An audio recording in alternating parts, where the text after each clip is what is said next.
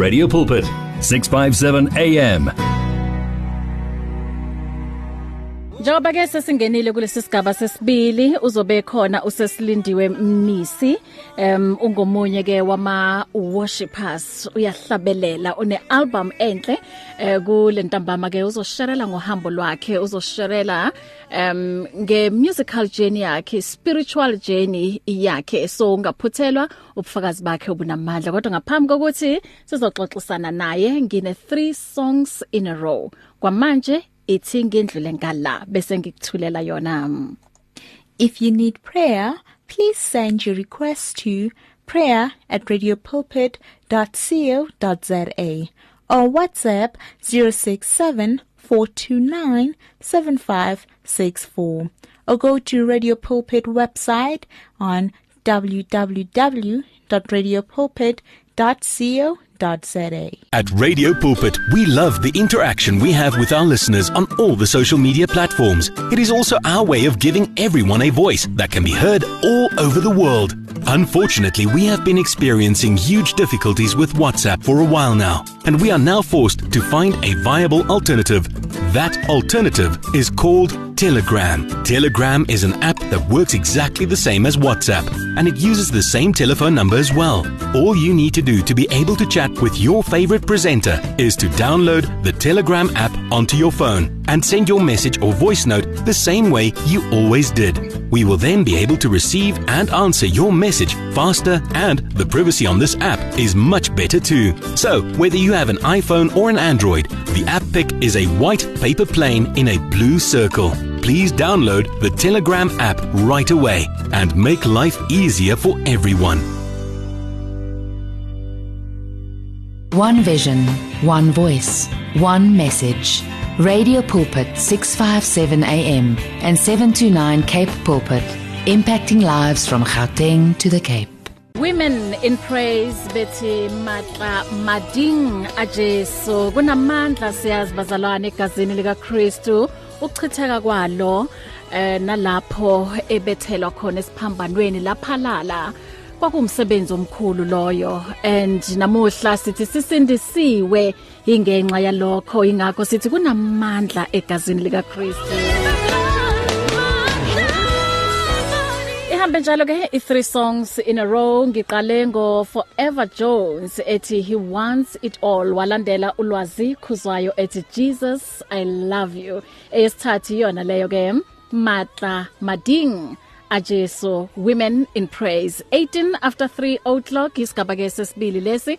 Um sisaqhubeka until 5 o'clock. Sisasho sithi halala eh, kubo bonke abomama. Namanje ngiphethe omunye futhi umama la e studio nginosisi.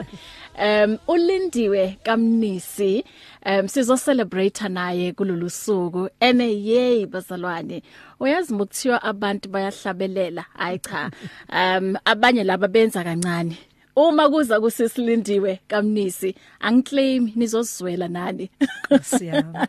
ngaphambi kokuthi ke siqale inkulumisane naye kunomyalezo la ngicela ukuthi ke sindlule ngawo um masinya Sanibonani sisibahle ngibingelele nabalaleli emakhaya. Happy mothers day to all the beautiful ladies. Sibingelele nalaba uNkulunkulu angakakababusisi ngabantwana nalaba abaluze abantwana babo. Singakhohlwa futhi nabantu abalahlekelwe abomama babo. Happy mothers day to everyone abalahlekelwe abomama babo bangaluzi ithemba. Siyabathanda. uNkulunkulu uyabathanda.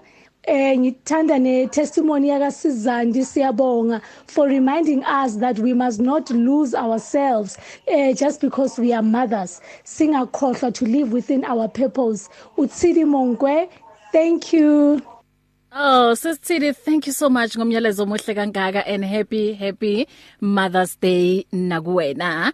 Mm njengoba ngishilo ke ukuthi sino sisilindiwe kamnisi ukhona la um e studio uzositshela kabanzi nje ngohambo lwakhe um spiritual journey yakhe um musical journey yakhe. Uyazi nje singabantu um uhambo lwethu alufani. Omunye nomunye umuntu uh, uNkulunkulu ikhona indlela indlela amhlelele ngayo. That is why sinama talents ahlukile that is why sinama gifts ahlukile. So yena uNkulunkulu umbusise. Angazi sisilindi ngithi i talent or ngithi gift ukuhlabelela kwakho. Ngiyacabanga ukuthi it's safe to say it's a gift. It's a gift. Yebo yes. Wow. Ngiyakwamukela ngiyakubingelela. Thank you so much for having me. Thank you so so so much. Mm. Asiqale la indaba singayikhi phezulu. Okay. Um ngoba uma sikhe phezulu kusho sizoqala la sohlabelela khona Okay. and sikhohle ukuthi konje kukhona lo lindiwe lo um okuwukuthi ube ingane Oh, yes. ekhula Oh, yes. eh wakhula wakhula wakhula kuzo zonke izinto wakhula spiritually um wandlula kuthini wangena waba umuntu omdala wangena waba umama so uyabona ukuthi kunama stage so Oh, yes. si- singawayenqi yabona? Siqale le. So ah, u- u- ulindiwe uzalwa kabani? U- ukhulele kuphi? Ulindiwe mnisi intombazana ezalwa ethembisa emqansa to be precise. Um firstborn to my mother. And then ngakhulela kagogo. Ugogo ayinamantombazana herself about 6 Mm -hmm. So in a way I was the seventh daughter because I was, I was the first grandchild. yeah so ngikhulele emqansa between emqansa neIvory Park kamama mara most of my time ngispende kagogo of which I think that's where everything started mm -hmm. um the singing with my aunts njalo mosi kunalento ukuthi kubasiwe kagogo istofu baqeda ukudliwa nje kuyahlatshelelwa siwasha izitsha ileyo vibe Yeah. and then primary school was close to Gogo's house obviously mm -hmm. because Gogo was not having it ukuthi ngeesikoleni esikude so that is where I met now my teacher usizodwa waka idom um oye waba umkhani maseka shadile and then she was my drum majorates coach mm. and my teacher mm. Standard okay it was standards. Nesisho njalo bathi hayi sebeze expose manje ukuthi la And we good. ngama 80s ngama 70s and we fine we happy. Yes yes. So my standard 4 standard 5 she was my teacher. Yeah. But that's where I found or where Christ found me. Wow. Because she would just preach to us whether sisesikolweni mm. or doing drum majorates um ngama weekend mm. so I received Christ 1991 Wow. doing grade okay grade 7 so ke bangabala bazi maths ukuthi roughly ithini Yeah, leminyaka yeah. so yeah that's where it started that's where it's all it all started mm. yes. so moloku hlabelela lapha ekhaya ngiyacabanga ukuthi uwe bowulinda ingoma eziningi Not at all. Uh -huh. Not at all. As a matter of fact, I was the worst singer. I should Really? say. Oh yes, Yeah. yeah. any Uh-huh. day. Then my aunt like kunento ukuthi hey imaphamkolo ya mangimaphamkolo ya kuthi wena uyangibhedisa uyibamba ikey. Omunye athi bamba imaphamkolo omunye omunye athi Yeah. ah. Then my grandmother would intervene athi hayi uzokukhula m- mntwana mliseni uzokukhula. Yeah. So I, no, I was not even leading not at all. I was not. so manje yavela phi lento ukuthi no man i'm gifted i can sing Church. Okay Yes, church mm-hmm. happened. I I for the life of me I've never thought of myself as a singer.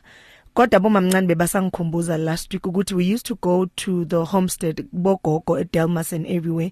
So they would say I used to sing around the ages of 5 and 6 ukuthi I would sing a song that says Jesus my Lord remember me in the kingdom mm. of God mm. and people would give me ama 20 cents and 50 cents. Mm-hmm. So that's where I started singing mina ngiwani kodwa nje I never thought of it as a serious Yeah, thing uh-huh. until church. Yeah. So we started joining a praise team and whatnot but ke uNkulunkulu was reveal isikhathi masihamba. wabona Church. ukuthi mina iministry yami la enkonzweni iyipi and then wahamba nayo lento until kuze kube manje Yeah, but I think sisi ngiyacabanga ukuthi everybody uyamdinga umuntu ozoyibona into angayiboni yena lo muntu ngaye. yeah And for me that was one my husband mm. and two my pastor u Apostle Soli Mahlangu at that time. Mm. Yes. wow Yeah, because I didn't really see it. yeah so manje um nansi uyayithola insindiso yes. ube kuphi umehluko ukuthi okay ulindiwe lo osindisiwe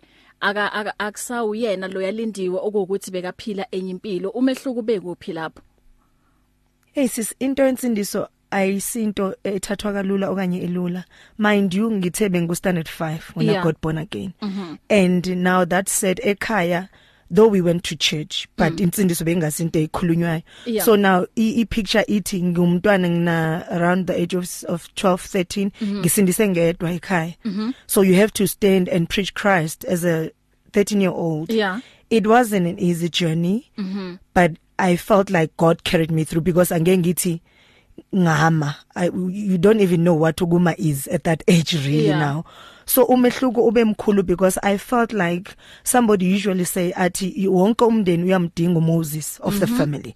So mangilo ngikhula ngibona i felt like i was the Moses of the family. Wow. Yes. Umehluko ube lapho ukuthi okay for me i'm called for my family. Then okunye kuzokuzolandela Ye- yalibona le verse moselithi seek ye first the kingdom of god and Yeah. all these things shall be added to you. Amen. so all these things are added. For me it was just that thing ukuthi okay you are the moses. Yeah. of the family. You have to stand and represent christ oh and, and brighten the, the the the the light where you are and shine where you are so that your family can see and know salvation and know Yeah. christ through you Mhm. njoba izwi lisho ukuthi em sukukhanya kwezwe Oh, yes, Eh, singosawoti. sosawoti Yes, yes, yes, yes so yes. nali isawoti ke likhona ekhaya and Oh, then yes. babona ukuthi oh nansi indlela okumele Oh, siyilandele ngoba oh, yes. esikhathini esiningi even nezenzo izona esikhulumayo ukundlula lokho kushoyo Oh, ngomlomo oh, ngicela ukuthi uyibambe lapho ngiyabuya ngicela ukundlula ngalami Come and ask your questions, share your concerns, experiencing life on 657 AM. You can now buy your favorite programs and series of the past 38 years on eCompanion, Radio Pulpit's own online shop. Revisit programs by beloved presenters like Justice Chungu, Cecile Burger, Esti Geldenhuys, and Pastor Aaron Jelle. Books and CDs from various authors and artists, as well as Radio Pulpit t-shirts, caps, and other branded products will also be available on eCompanion, your one-stop soul food shop. Visit radiopulpit.co.za and click on shop. T's and C's apply. Discover an abundance of life. 657 AM. Silapho sikanye ke no Sis Lindy we Kamnisi em une album la enhle i album yakhe entsha le yes it's, it's my first album your first album Yes, yes, wow um we release nini This album was recorded live ngezi 18 zaka December 2020 at Springs Theatre. Mhm. Yes. So the al- the the the single now is only is the si- single that is out now. It was released on the 30th of March mm -hmm. this year. so ngale album yakhe ila uqale ukucula professional Cha.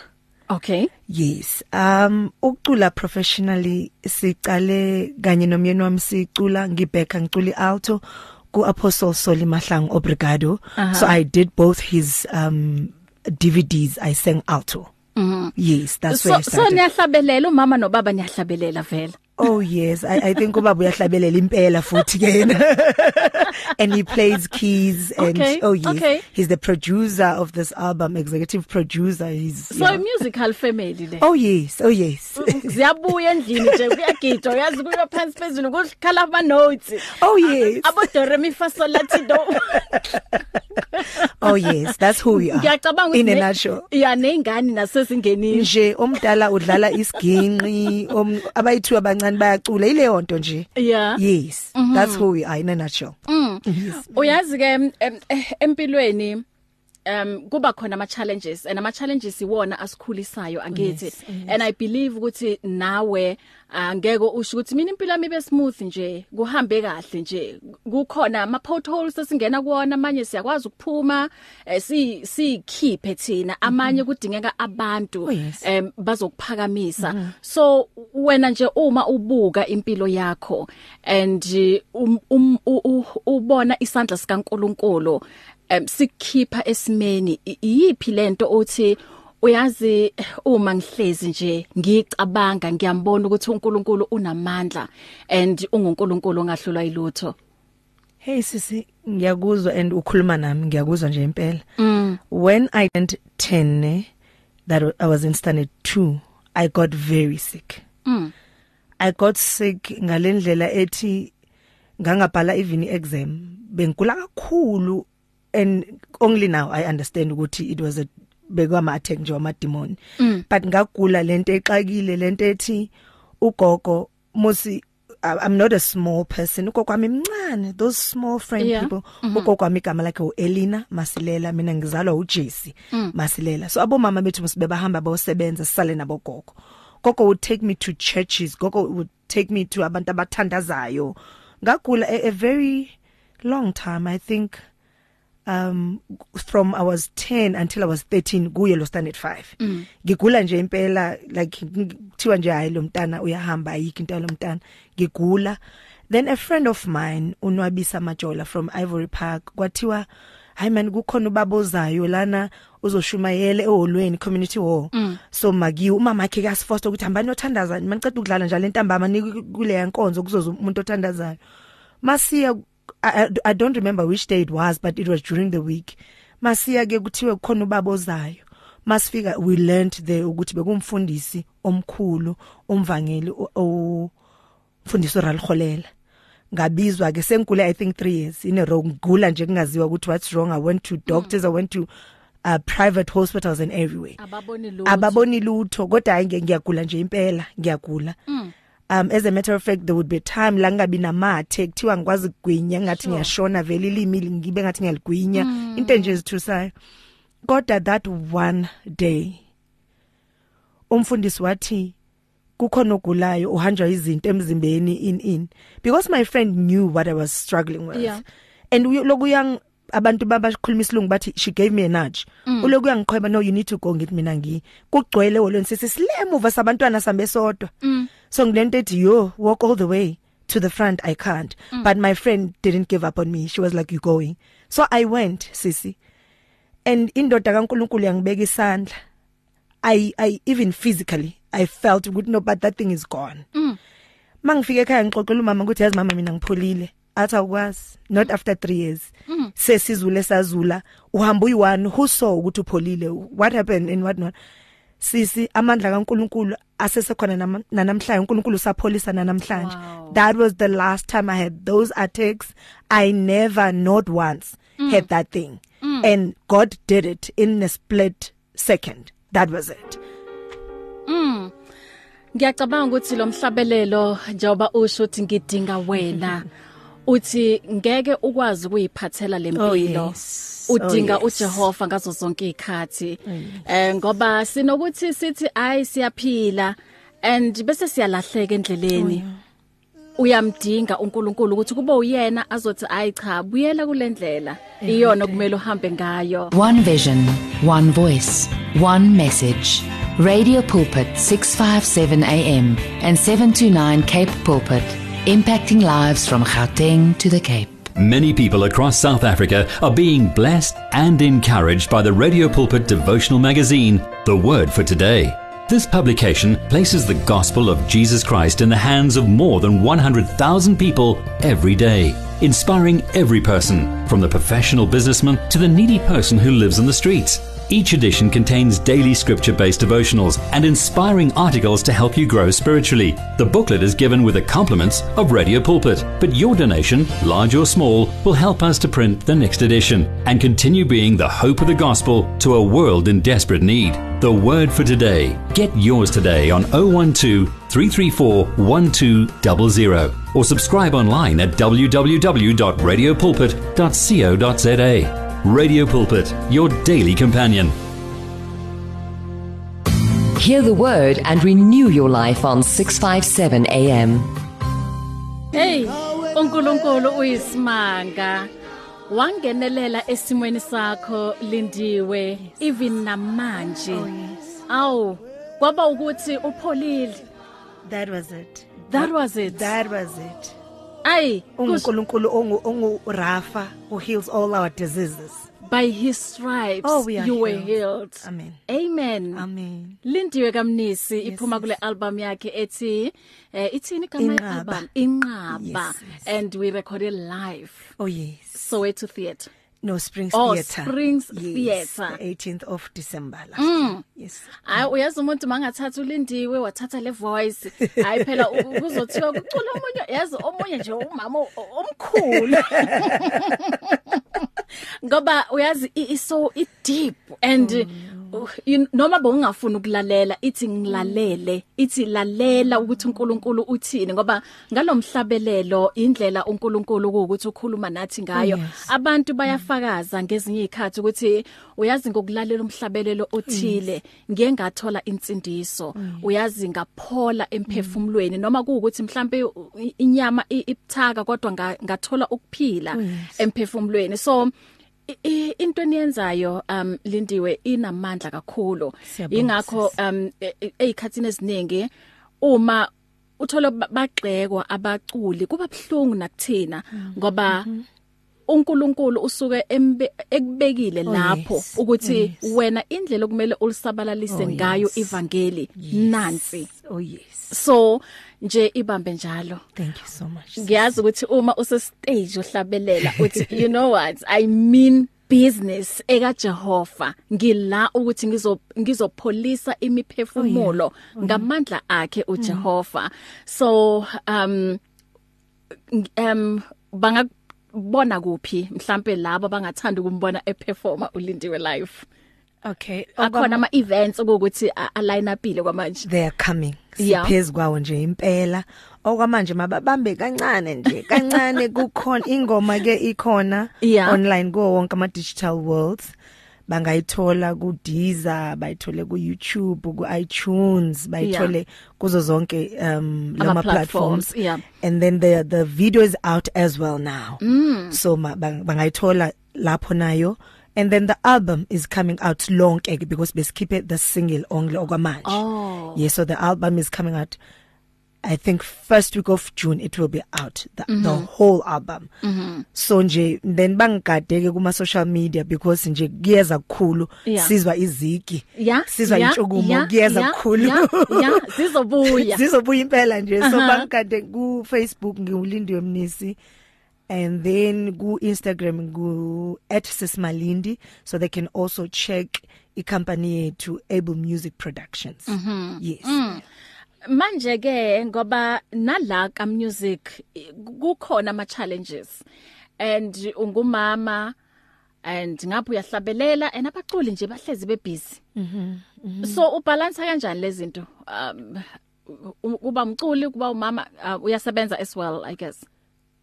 Ngoma saka Jehova bengisebenza vele ngisekhaya. Oh okay. so yeah. Aha. So ubalance kanjani zonke lezi zinto? Yes sikhona isisho sithi no man is an island. Mhm wonke umuntu uyamdinga umuntu to Yep. help ngendlela ethizane empilweni. So with us and again even with um, uApostle Sol Mahlangu bengisebenza nomnyeni wami. So besovele sihambe soyi2 yeah. njengabazali.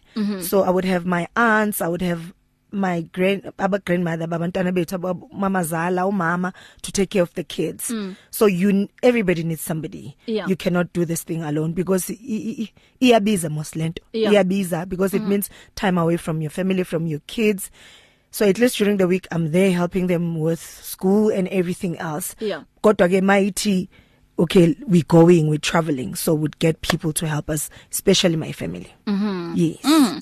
Uma ke uthanda ukukhuluma no Sislindiwe Mnisi um zivuliwe incingo. Ngina plus minus 10 minutes ukuthi ungaxoxa naye noma unombuzo umzwile ehlabelela la esibusisa ethi ngidinga wena Jehova 0123341322 noma ungathumela i voice note nge WhatsApp ku 082 6572729 unga text ku 37871 inamba ka 0826572729 ungayisebenzisa na ku Telegram nalapho ke ungayithumela i voice note. Eh ungaphuthelwa ke hile lithuba lokuthi uxoxisane naye. Mhlawumbe uzohlangana naye kuphi kuphi? Uthola ukuthi umatasatasa ukwazi ukukhuluma naye. So yabona ukuthi mina ngikunikeza ithuba lokuthi ungabuza nanoma yini eh unga mhlawumbe uyathanda nje kum encourage more eh kule mm, ministry akuyona ngoba ay- ayikho lula Not at njoba usho ukuthi em, singabantu siyadingana. So njengoba uhlabelelo uyabadinga abantu abazokusupporta and uh, you know yeah okay ithi ngingakhulumi kakhulu okay. Ngiye la eh, ku line 1 um okay usehambile singimzame ngala.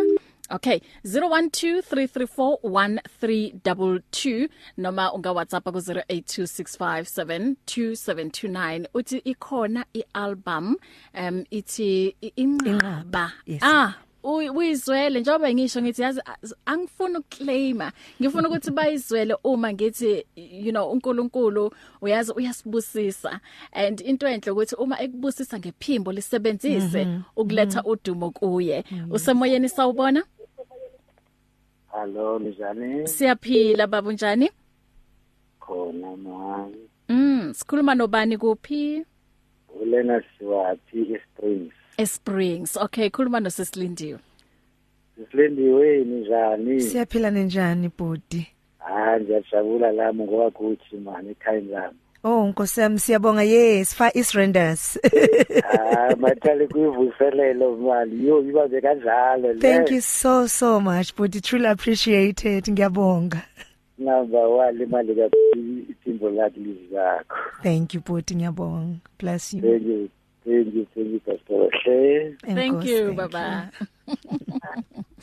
Usemoyeni sawubona? Ah, okay. Ah, sehambile nangala.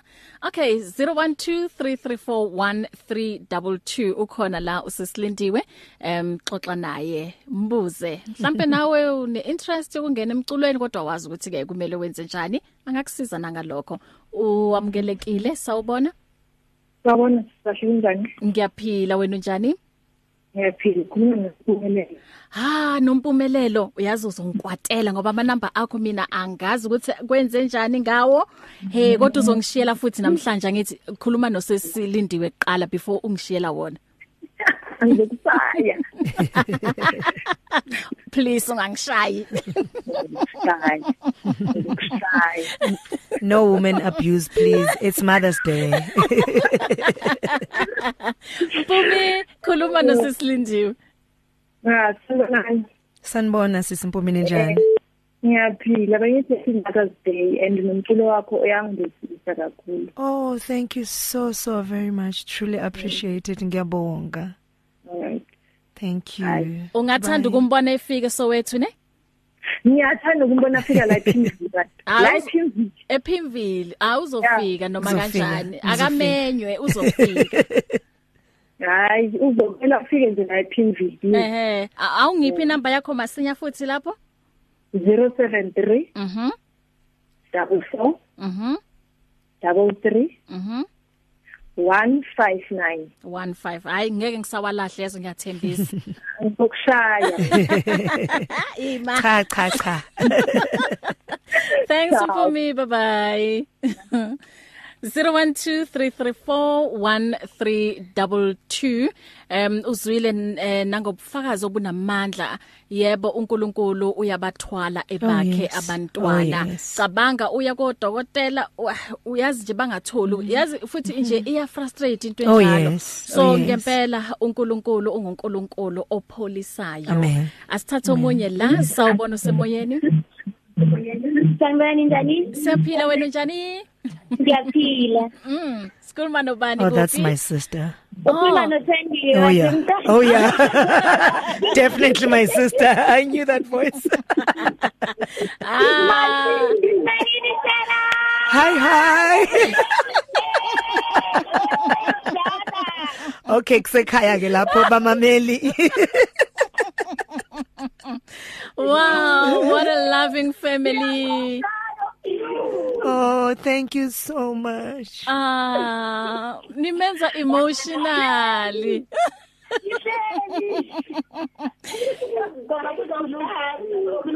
Ah, ugogo uthini? Ugogo uthini? Gogo, uyangitshela ulindiwe la. Uyangizwa ugogo? Gogo? Thank you gogo ngiyabonga. Ah, gogo yazi wenza umsebenzi omkhulu kulindiwe. uNkulunkulu akugcine. Ah. Ngiyathokoza gogo. Gogo, ay, Nkosi yami. Hey, ugogo wawenza umsebenzi omkhulu ngokumkhulisa ulindiwe. Eh ungumama kwamanje ingenxa yeimfundiso zika gogo. Ingenxa yempatho kagogo, Oh, yes. uthando luka gogo. Ugogo masilela. Yes. Ah, gogo. hayi namhlanje si celebrate wena impela uyimbokodo Oh, yeah. uyazi She's ugogo stewed. ah oqotho impela namuhla yazi ngiyacabanga ukuthi njengoba uba emotional kanje le inyembezi inyembezi zenjabulo enkulu kakhulu futhi sisi siyambonga uNkulunkulu for keeping our parents for Yeah. us Mhm. umamami uJesse Mathote and my grandmother they did a great job raising Yeah. me Mhm. U- my grandmother uNkulunkulu usigcinele nasakhuleka kakhulu futhi kuthi amgcine she just turned 85 just now in March so we are so humbled and grateful to God samcela kodwa ukuthi asigcine sokwazi kumakhela ama upstairs nkosi yami Aw, aw. Hey, uproud naye uma ekulalele kwamanje. Ngiyacabanga ukuthi noma ilalela umculo wakho uthi, "Oh, Nkosi, ngiyabonga wangibusisa ngesizukulu." Okuthi nasi namuhla sibusisa mina. oh yes Wow, wow. Awungitshele kancane ngomdeni wakho. Ngiyazi ukuthi ukhulumile before lapha yakuthi nizobe nihlele estofini oh yes. nihlabelela. So ngiyazi ukuthi umndeni obumbene Oh, lo. yeah? Awu awungitshele kancane ngawo. My grand my my, my aunts nesisi my friends bahlale baba in awe. Ukuthi vele kini niso sisi ngikutshela ukuthi whether I would do ama social events mosine taking care of ama orphans and orphanages. Yeah. and ngihlale eSprings mosmin ekhaya kusethembisa. Ekhaya bazogcwala ikha- iquantum and come and Wow. support. Nge recording bonke bebagqoka izikipa ezithi Lindo Mnis they came. They just gonna come. They just gonna come. Mangabe siyopheka kuma welfare and what not they come. Mm. and they cook. Mm. and we have fun and we dance and we sing. That's my family. We have Sure. so much fun. And uNkulunkulu ngiyambonga kakhulu ngiyamkhuleka ngiyamthemba futhi ukuthi he'll keep on giving us this unity mm. and this love. Mm mm mm yes yes mm. 0123341322 zisavuliwe incingo. Ngiyabona ukuthi nesikhathi sisesekhona la eh ngina plus minus 10 minutes. So ngawusebenzisa lo lemizuzu uxoxe naye ke usislindiwe eh wakamnisi. Medium wave 657 DSTV audio bouquet. 883 lapho sitholakala khona singu Radio Pulpit ubeshare nje ubufakazi bakhe obunamandla. Enogogo naye washo wathi awu ngani yami? Yazi uNkulunkulu angibusisele wena ngoba ngimbonile. Uyazi enza isimanga epolisa nala odokotela bahluleke khona. Kodwa wena wabonisa ukuthi ungudokotela odlula laba. yebo abanye odokotela. Um awungitshele ke nge ngomshado wakho um wena nobaba umnisi. And ngiqaphelile ukuthi ubaba umnisi um uyi manager yakho. Oh yes yes. So i- isebenza kanjani le ndaba? Akukho la ukuthi mhlawumbe nizothi hayi hayi hayi. Uyabona ke manje mnisi a eh angisayithandi lento yakho. Naye ubaba umnisi athi hayi hayi lindiwe a a no sisebenza kanje. Ngiyazi ukuthi kuhlezi kuba khona lokho. There's a lot of that. Kukhona kukhulu. uNkulunkulu sisi uyasihlelela. Yeah uNkulunkulu uyasazi. uNkulunkulu wasidala emaphakadeni. He Yeah. knew ukuthi ubani fanele ashade ngubani kwenzakaleni. Yes. Because ngihlezi mangim ngesixhosa bathi ndiyamqhula. Manginje ngijoke naye ngithi can you imagine mina ngishade nomunye umuntu beyengeka kwazi nokuthi angenzeni ngalento yalo music Yeah. nale ministry yeah so sisi kumanje nengi ngisale ngamcela ukuthi okay i won't handle my social media anymore Yeah. because uzoba ngithethisa ukuthi no but you're not doing the right thing yeah advertise this post this don't post that Mhm. mm -hmm. bonga abantu i'm not very big on social media okay i repent i was not mm. big manje because of the lifestyle of the gift of the exposure i have to be. Mm. so uye kohleza ngihlelele ukuthi okay answer people. Don't just say ungathumeli into ethi heart iba ne conversation nabantu. Aha. ukhuluma nabantu bonke ube leyo nto so Yeah. ziba khona lezo zinto. And umyeni wami i should say he's very strict. Wow. Very firm. So mm -hmm. he's known for that. Yeah. so even nangama rehearsals bekuba ilezo leso leyo nto nje ukuthi no no no don't uzocicule mos kuma rehearsal angeke Mm. mangifika endlini athi your notes though. Yeah. No why are you projecting like that? Uh-huh. And i know he means well because all he wants is what what is best for me. Yeah. So ngiyabonga kakhulu husband. You are truly appreciated. Wow. Thank you so much. Uh, so iadvice ongayinikeza mhlambe um ithi ngithi yes kunama advantage nama disadvantages ukuthi mhlambe nisebenze ni couple kodwa wena iadvice mhlambe ongayinikeza um uh, especially abantu ukuthi baku industry e very busy. Okuwukuthi kuna lots of travelling uyawushiya umndeni wakho and, and all those things. So your advice or ngingathi ungam advise umuntu ukuthi bona ukuze umshado wakho usebenze ikakhulukazi uma uku um industry le. Sebenzani nonke? Ungaba advise washo njalo? Wayibeka ngaleyo ndlela kubona? I would sis. Yeah. And i reason ngiyibonile empilweni yami. Yeah. That's the reason one and sisi ake angicabanga ngingazi. Kodwa ngiyacabanga ukuthi akekho omunye uproducer ongaba na my best interest at heart more than my husband. Yeah. I doubt ngingazi kodwa. Mm. and uNkulunkulu usipha ngokungafani. For instance i'm very strong in my I would cook for my family so I know those things ukuthi if I uh, to balance my family mm. let me cook a good meal whilst we together yeah so that when we travel ingabi ngathi ngulo mama irresponsible or mm. silabazali ba irresponsible let our kids know mm -hmm. ukuthi mabakhona sits ikhaya lethu linje Yeah. and mabangekho it doesn't mean they don't like us or bias neglect Mhm. but ubizo ababizwe lona Yeah. so i would really advise ukuthi abantu abasebenze together because we've we've seen it working for abantu abanengi in this industry Mm. abonqubeko mba nabo Ntokozo Mbambo Yeah. abo Bongi and Colin Mhm. even the international stars abo mm, um i see her face er moyingcwele ngincede Mm. basebenza bonke ngizomkhumbula manje. I'm sorry that i forgot her name. Nonhlanhla mdluli Yes, nabo yeah yes, bangama yes, example amahle. exactly. eh ubathubani lo um uswazi Dlamini oh and yes. the husband. Oh yes. Yeah oh mhm. yes. About David Mann and the wife now from America. Iyasebenza. Iyasebenza sis. mhm. indaba ngiyacabanga ukuthi kuyothatha ukuthi nawe uzazi ukuthi okay he is the head. Yeah. I he needs to love me. Yeah. hallelujah. Amen. and I need to submit. So we need to know our position we need to know our places. Yeah. then uNkulunkulu usidale ukuthi our gifts are- will inter intertwine. Yeah. so there's just no way ukuthi ngasebenzi we must just know our places. Sihloniphe as uNkulunkulu has instructed us as abomama. Basithanda bobaba will conquer yes yes yes and uh, nokusubmita ku- kuzo Every kuzoba day. natural Every day. you know mothandwa kahle nje kuzoba natural futhi akudingekile nokuthi akukhumbuze Not at ukuthi all. unkosikazi Not at all. submit sawubona all. semoyeni sawubona njani siyaphila Njani? yebo ma eh, ku ku ku ku eh, iretho politika ngithi yebo semoyeni baba eh bengicela ukubuza nje usisi lo usisi kahle makangena ngene icu engilithandayo mpela mpela mpela kungaba nzima ma ukuthi ngithole isoko salo ubese ngithumelela nge-SMS ngoba ngibone emehlweni ngiyacela nje. Oh ingoma kaShelly Siza uthi i remember mama. Ngithi uthi lengene ngayo?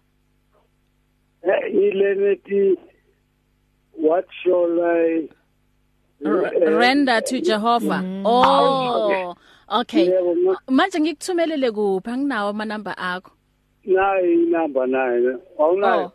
Anginayo Nayo. angazi nokuthi ngikhuluma nobani. utaclass utaclass mabaso Oh ngikuthumele ngeSMS. ngajabula ngomama ngoba naku angiboni emehlweni yabo Okay. So umyalezo nawo for sesilindiwe uthini? Eh bengithi ngizomfonela kodwa akusela ndaba. Ngijabula kakhulu mangizahlabelela nami ngifuna ingoma zakhe. Okay. ngiyabonga kakhulu baba Douglas. Thank you so much sir. Ithini number ka Baba Douglas? ithi eh 072 072 326 326 0070 0070. Okay. Yeah. Ngizokwenza sure ukuthi ngiyak SMSela yonke imniningwane. ubani engikhuluma naye Angizwa baba? ubani engikhuluma naye Ukhuluma nobahle wakanhlapho. okay siyapho ngenzela ukuthi ngikwazi ukubuza mangaba awungi ukhohliwe Okay baba. God bless. Bye. God bless you Bye bye. Sisilindiwe sinemzuzu emibili la um ku- kuyona lemizuzu amagama akho nje okuvala ungathini kuwo wonke umuntu. Okay before siya lapho um ungathanda mhlawumbe uku collaborate nabanye abaculi? oh yeah oqala nje would be my husband bese abanye bayalandela ke Okay. yeah Mhm. Like internationally nala ekhaya um u- uba- u- obobana abaculi mhlawumbe obonayo ukuthi ungasebenza nabo? Hmm, baningi kakhulu but to name just one la ekhaya would be unfair. Kodwa ke uh usis um Ntokozo Mbambo. Mm. I would really love to work with her. And then internationally um Jacqueline Carr. Wow yes Mm. Okay, umyalezo wakho ogcina ungathini kuwo wonke umuntu um ikakhulukazi uma kuza emculweni wakho. Okay, um ngiyabonga kakhulu mangisho ukuthi sikhiphe isingle as I said before nge30 zaka March.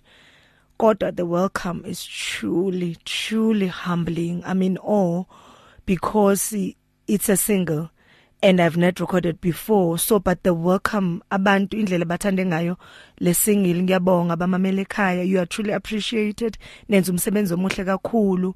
And then please look out for the whole album. It's coming. uNkulunkulu uzowenza umusa awenza umsebenzi empilweni zenu. Sisashumayela ngomculo. Amen. and then ngiyathanda ukusho ukuthi siphila ezinkathini eziphinde zithi zi, that is shaking abantu balahlekelwe ithemba abantu balahlekelwe imisebenzi kodwa masiphonsela amehlo wethu ezintabeni lapho sizo lethu liyovela khona Mm. ngiyabonga thank you so much for having me Amen. Eh bakuthola kuphi mhlambe uma be bekudinga?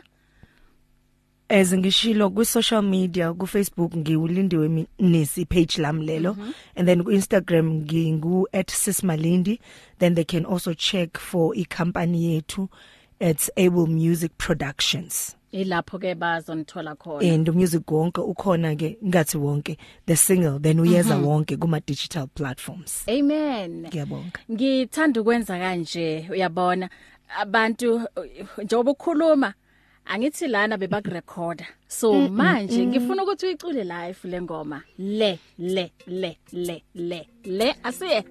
Akazelia galali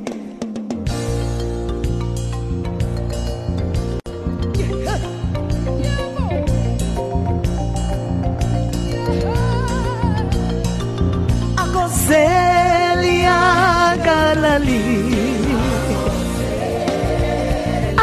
Agalali Ay Ay ay ay ay ngiyeza ukuthi iyaphuma ivoice iyaphuma ivoice So Oh my. ilokho abanga expect kuyo full album. Oh yes. Mm akawuzela kalali. Yes, yes. Silindiwe thank you so much.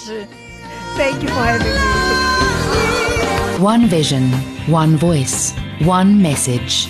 Radio Pulpit 657 AM and 729 Cape Pulpit, impacting lives from Gauteng to the Cape. If you need prayer, please send your request to prayer at radiopulpit.co.za or WhatsApp 067 429 7564 or go to Radio Pulpit website on www.radiopulpit.co.za. Reach your customers in the car, at the office, at home, or wherever they are, night or day. Through advertising with Radio Pulpit, you can reach a large, unique, and loyal audience in a most affordable way. With over 500,000 people on our various platforms, from Gauteng to the Cape, you simply cannot go wrong. So advertise today. Contact us on 012 334 1339 or for advertising packages that we offer, go to www.radiopulpit.co.za. Terms and conditions apply. You and 657 AM and life, a winning team on the road to eternity.